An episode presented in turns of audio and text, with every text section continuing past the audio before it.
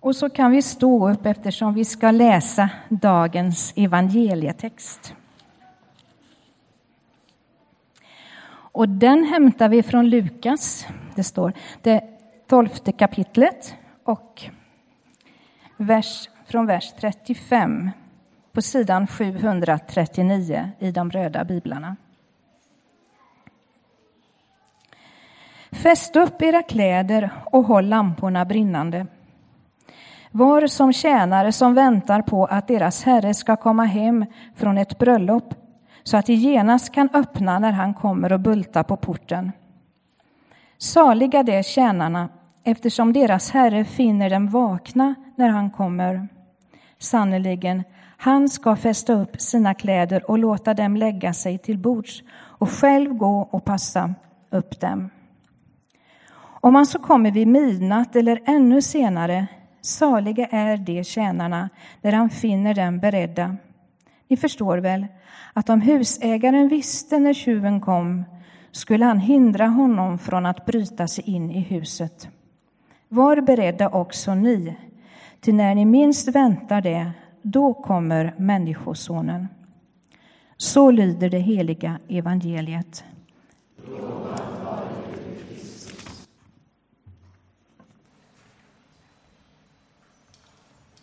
Så ber vi dig Jesus också denna söndag att du gör ditt ord levande. Sänd din heligande till oss och över oss och bland oss så att det ger liv.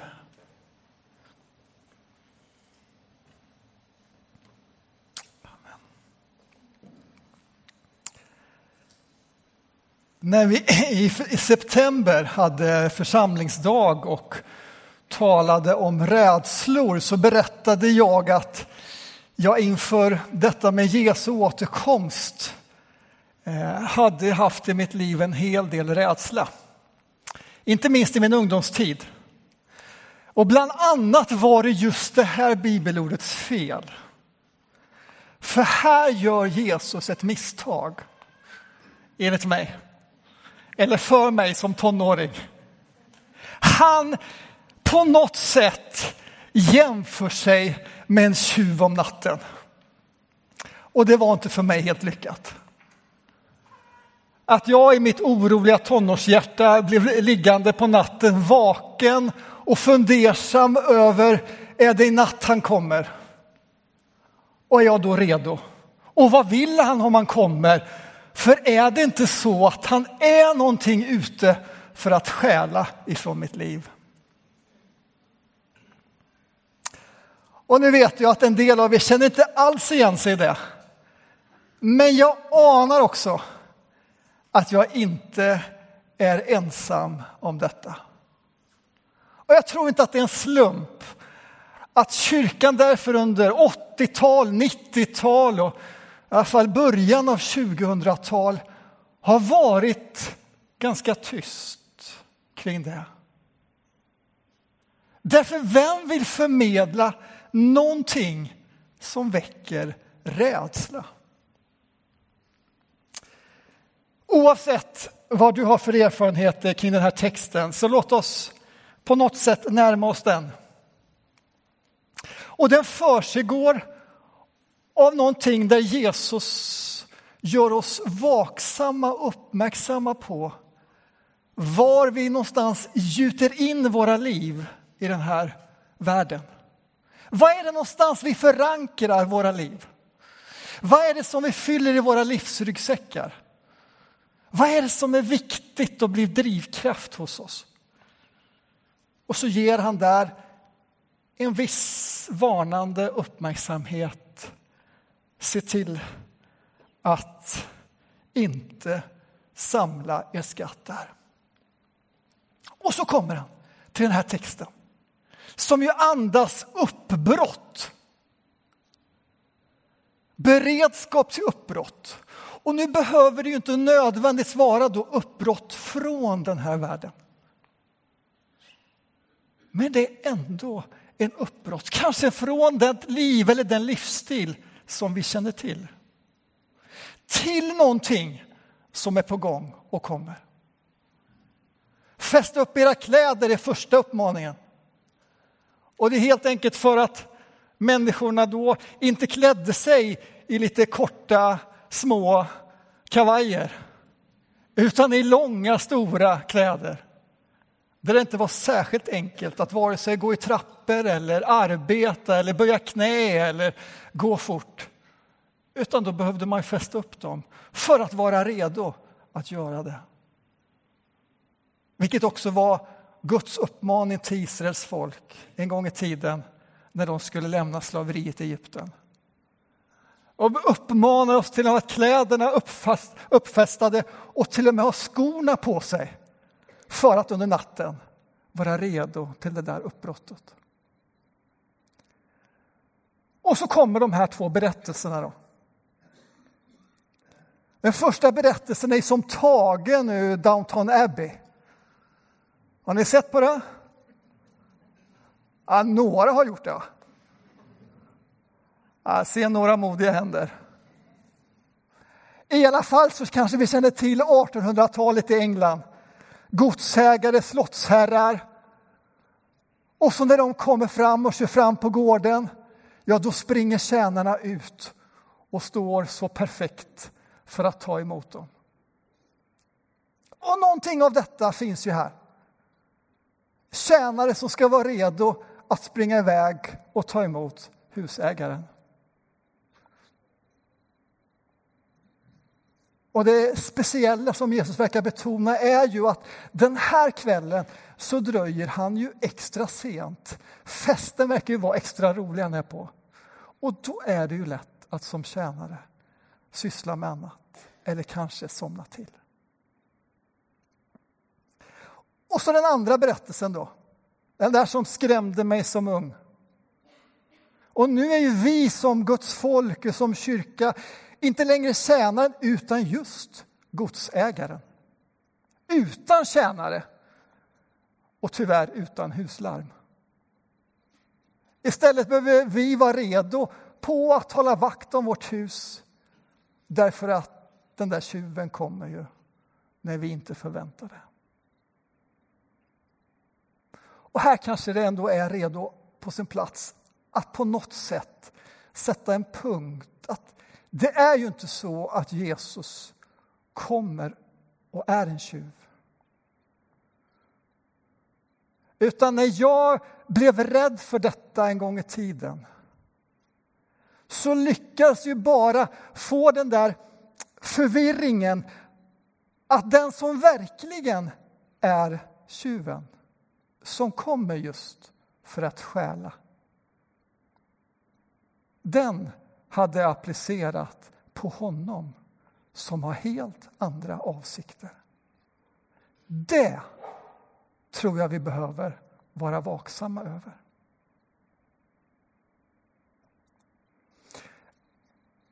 Men frågan kvarstår ändå från de här två ganska enkla berättelserna. Om det inte är rädslan som väcker min väntan och vaksamhet, vad är det då som gör det?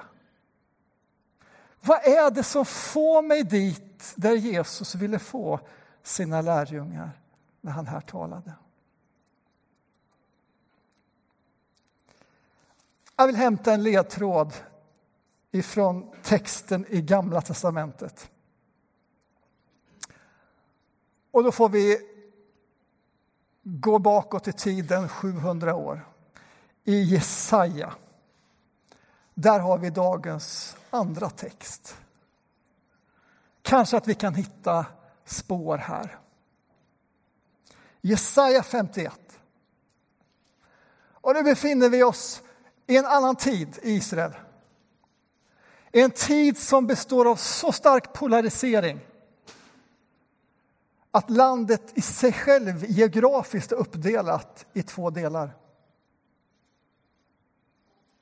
Och folket är splittrade och har inte längre sin trohet mot sina fäders Gud utan just som Jesus där uppmanade till att vara vaksam över har fäst sitt ankar i livet åt allt möjligt annat.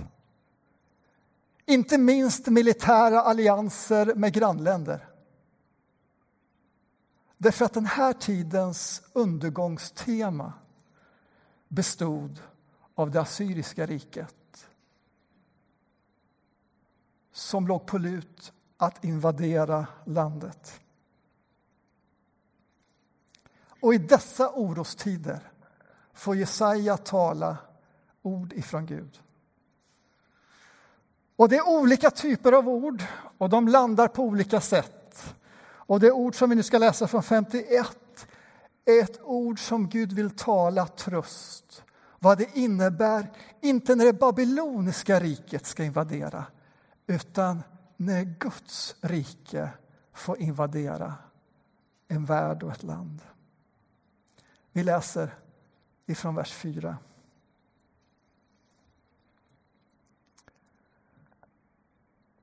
Lyssna på mig, alla folk. Ni folkslag, hör noga på. Från mig ska lagen utgå. Min rätt ska bli ett ljus för folken. Snabbt nalkas min rättfärdighet. Min hjälp är på väg. Med mäktig arm skipar jag rätt bland folken. Fjärran länder väntar på mig. De sätter sitt hopp till min makt. Lyft blicken mot himlen, betrakta jorden därunder. Himlen ska lösas som rök. Jorden slitas ut som en klädnad och dess invånare dö som flugor. Men min hjälp varar i evighet. Min rättfärdighet går aldrig om intet. Från mig ska hjälpen komma. Genom min rättfärdighet ska eh, rättfärdigheten segra. Min hjälp är på väg. Sätt ert hopp till mig. Alltså, ni hör trösteorden i dessa oroliga tider för Israel. Och jag tror ändå vi inte riktigt kan förstå orden här förrän vi också innan har hört de svåra orden som beskriver Israels situation just här. Och de orden hämtar vi i några kapitel tidigare. De finns i kapitel 24 och framåt. Och jag ska bara läsa några verser ifrån vers 24. Ifrån vers, eh, kapitel 24.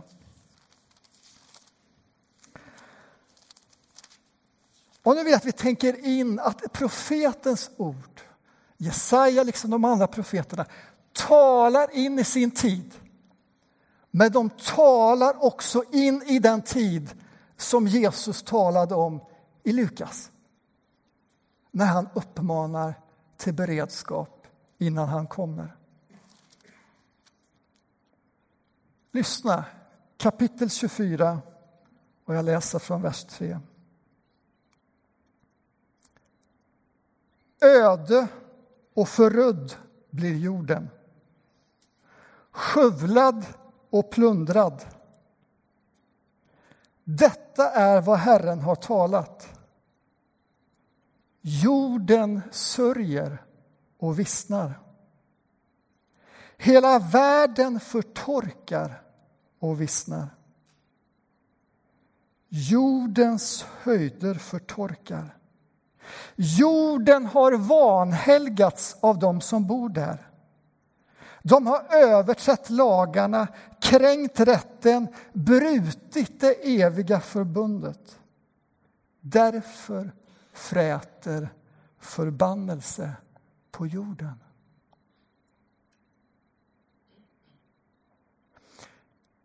Det är i den bakgrunden som Jesus, eller som Gud också talar i kapitel 51. Men visst är dessa ord igenkänningsbara, inte bara i den tiden. Öde och förrådd, skövlad och plundrad. Jorden sörjer och vissnar.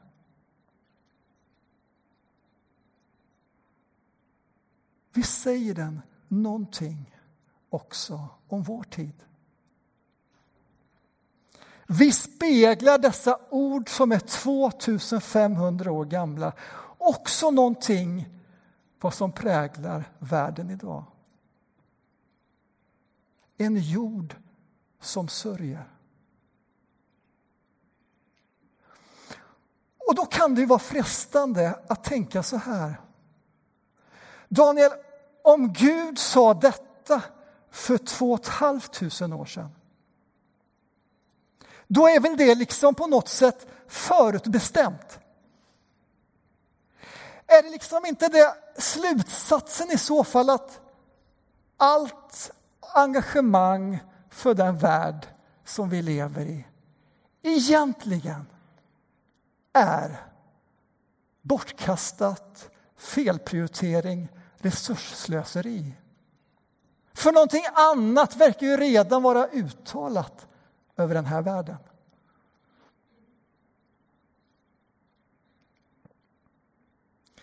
Ja, det här är ju tankegods som inte minst under 1900-talet har nog präglat en del kyrkan. Och argumentet låter ju så logiskt.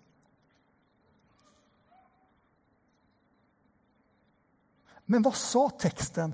Jorden har vanhelgats av dem som bor där. Det vill säga att det är ju absolut inte skaparens vilja.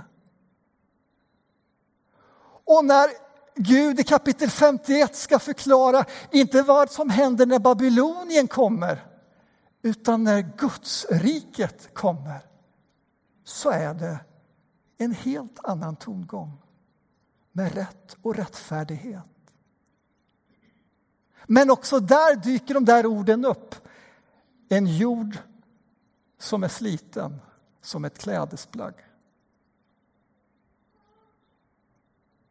Den vissnar, den sörjer, den är sliten. Det präglade den här tiden på något sätt. Och den präglar den tid inför Jesus återkomst. Men i detta så säger då Jesaja orden. Min hjälp är på väg. Min arm vill komma med rätt och rättfärdighet. Och här måste vi då återigen vara vaksamma över var är det jag applicerar min rädsla? Var är hotet någonstans? Är det från han som kommer? Eller är det från oss som kanske vanhelgar den värld vi har fått? När jag läser de här allvarsamma texterna så blir det för mig nästan omöjligt att tänka att han är tjuven som kommer för att förgöra. Nej, han är den som kommer för att samla, hela och äntligen utöva rättfärdighet över sin skapelse. Och om kyrkan, folket, Gudsriket ska på något sätt utgöra en försmak, en bild, ett litet, litet tecken på han som kommer. På det rike som ska invadera skapelsen. Ja, då är det av ett mått av att förmedla rätt och rättfärdighet. Så när Missaronskyrkan säger att vårt uppdrag är att verka för en rättfärdig värld så är det ju inte för att vi vill ta i och tro att vi ska rädda världen. Utan för att han kommer som ska rädda världen.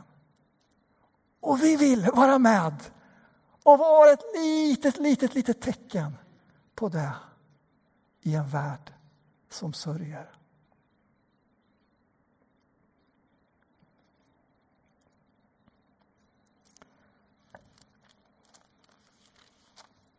Ska vi gå tillbaka till Lukas texten? Vad får mig att vara vaksam och väntande? Jag är min livsresa som har gått från den där rädslan för tjuven som kommer har blivit en åtminstone smak av väntan och ett försök till några korn av vaksamhet, även om det är svårt. För vid varje nyhetssändning som jag hör så växer de här orden från Jesaja. Gud, kom snart med din rätt och rättfärdighet. Och märkte ni i Lukas texten att det var någonting märkligt som hände när Jesus berättade de här två korta berättelserna? Som ville ju spegla eller på något sätt uppmana Guds folkets vaksamhet beredd till uppbrott, inte från världen men från en slumrande livsstil. Ja, helt plötsligt så säger Jesus, lyckliga är ni, saliga är ni, de som är vakna. Varför då? Ja, inte för att de lyckas hålla sig vakna bara, utan för att Herren ska komma och själv fästa upp sina kläder och betjäna sina tjänare. Och det var ju något fullständigt otänkbart i dessa människors öron. Att godsherren skulle komma och fästa upp sina kläder och böja sig och betjäna tjänarna. Men visst är det så typiskt Gud.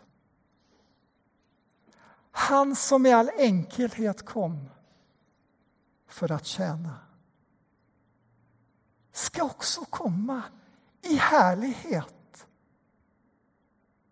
med rättfärdighet för att tjäna sin värld och sin skapelse.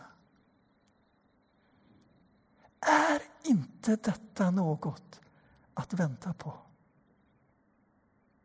Är inte detta något hoppfullt? Detta är kyrkans vision. Detta är vad våra liv och vår gemenskap ytterst vill spegla och väntar på. En Gud som invaderar i en polariserad orostid med mycket undergångstoner så väntar vi på en skapare som ska tjäna och betjäna sin skapelse med rätt och rättfärdighet. Så utifrån det får vi som hans folk vaksamt söka leva på en sörjande jord genom våra val och livsval i stort och smått tafflande ibland där vi känner att vi inte vet hur vi ska bete oss och hur vi ska välja och hur vi ska göra. Men det vi får påminna oss om, igen och igen, vem det är som kommer. Och vi får göra det dag efter dag efter dag. Tills han kanske överraskande plötsligt är här. Amen.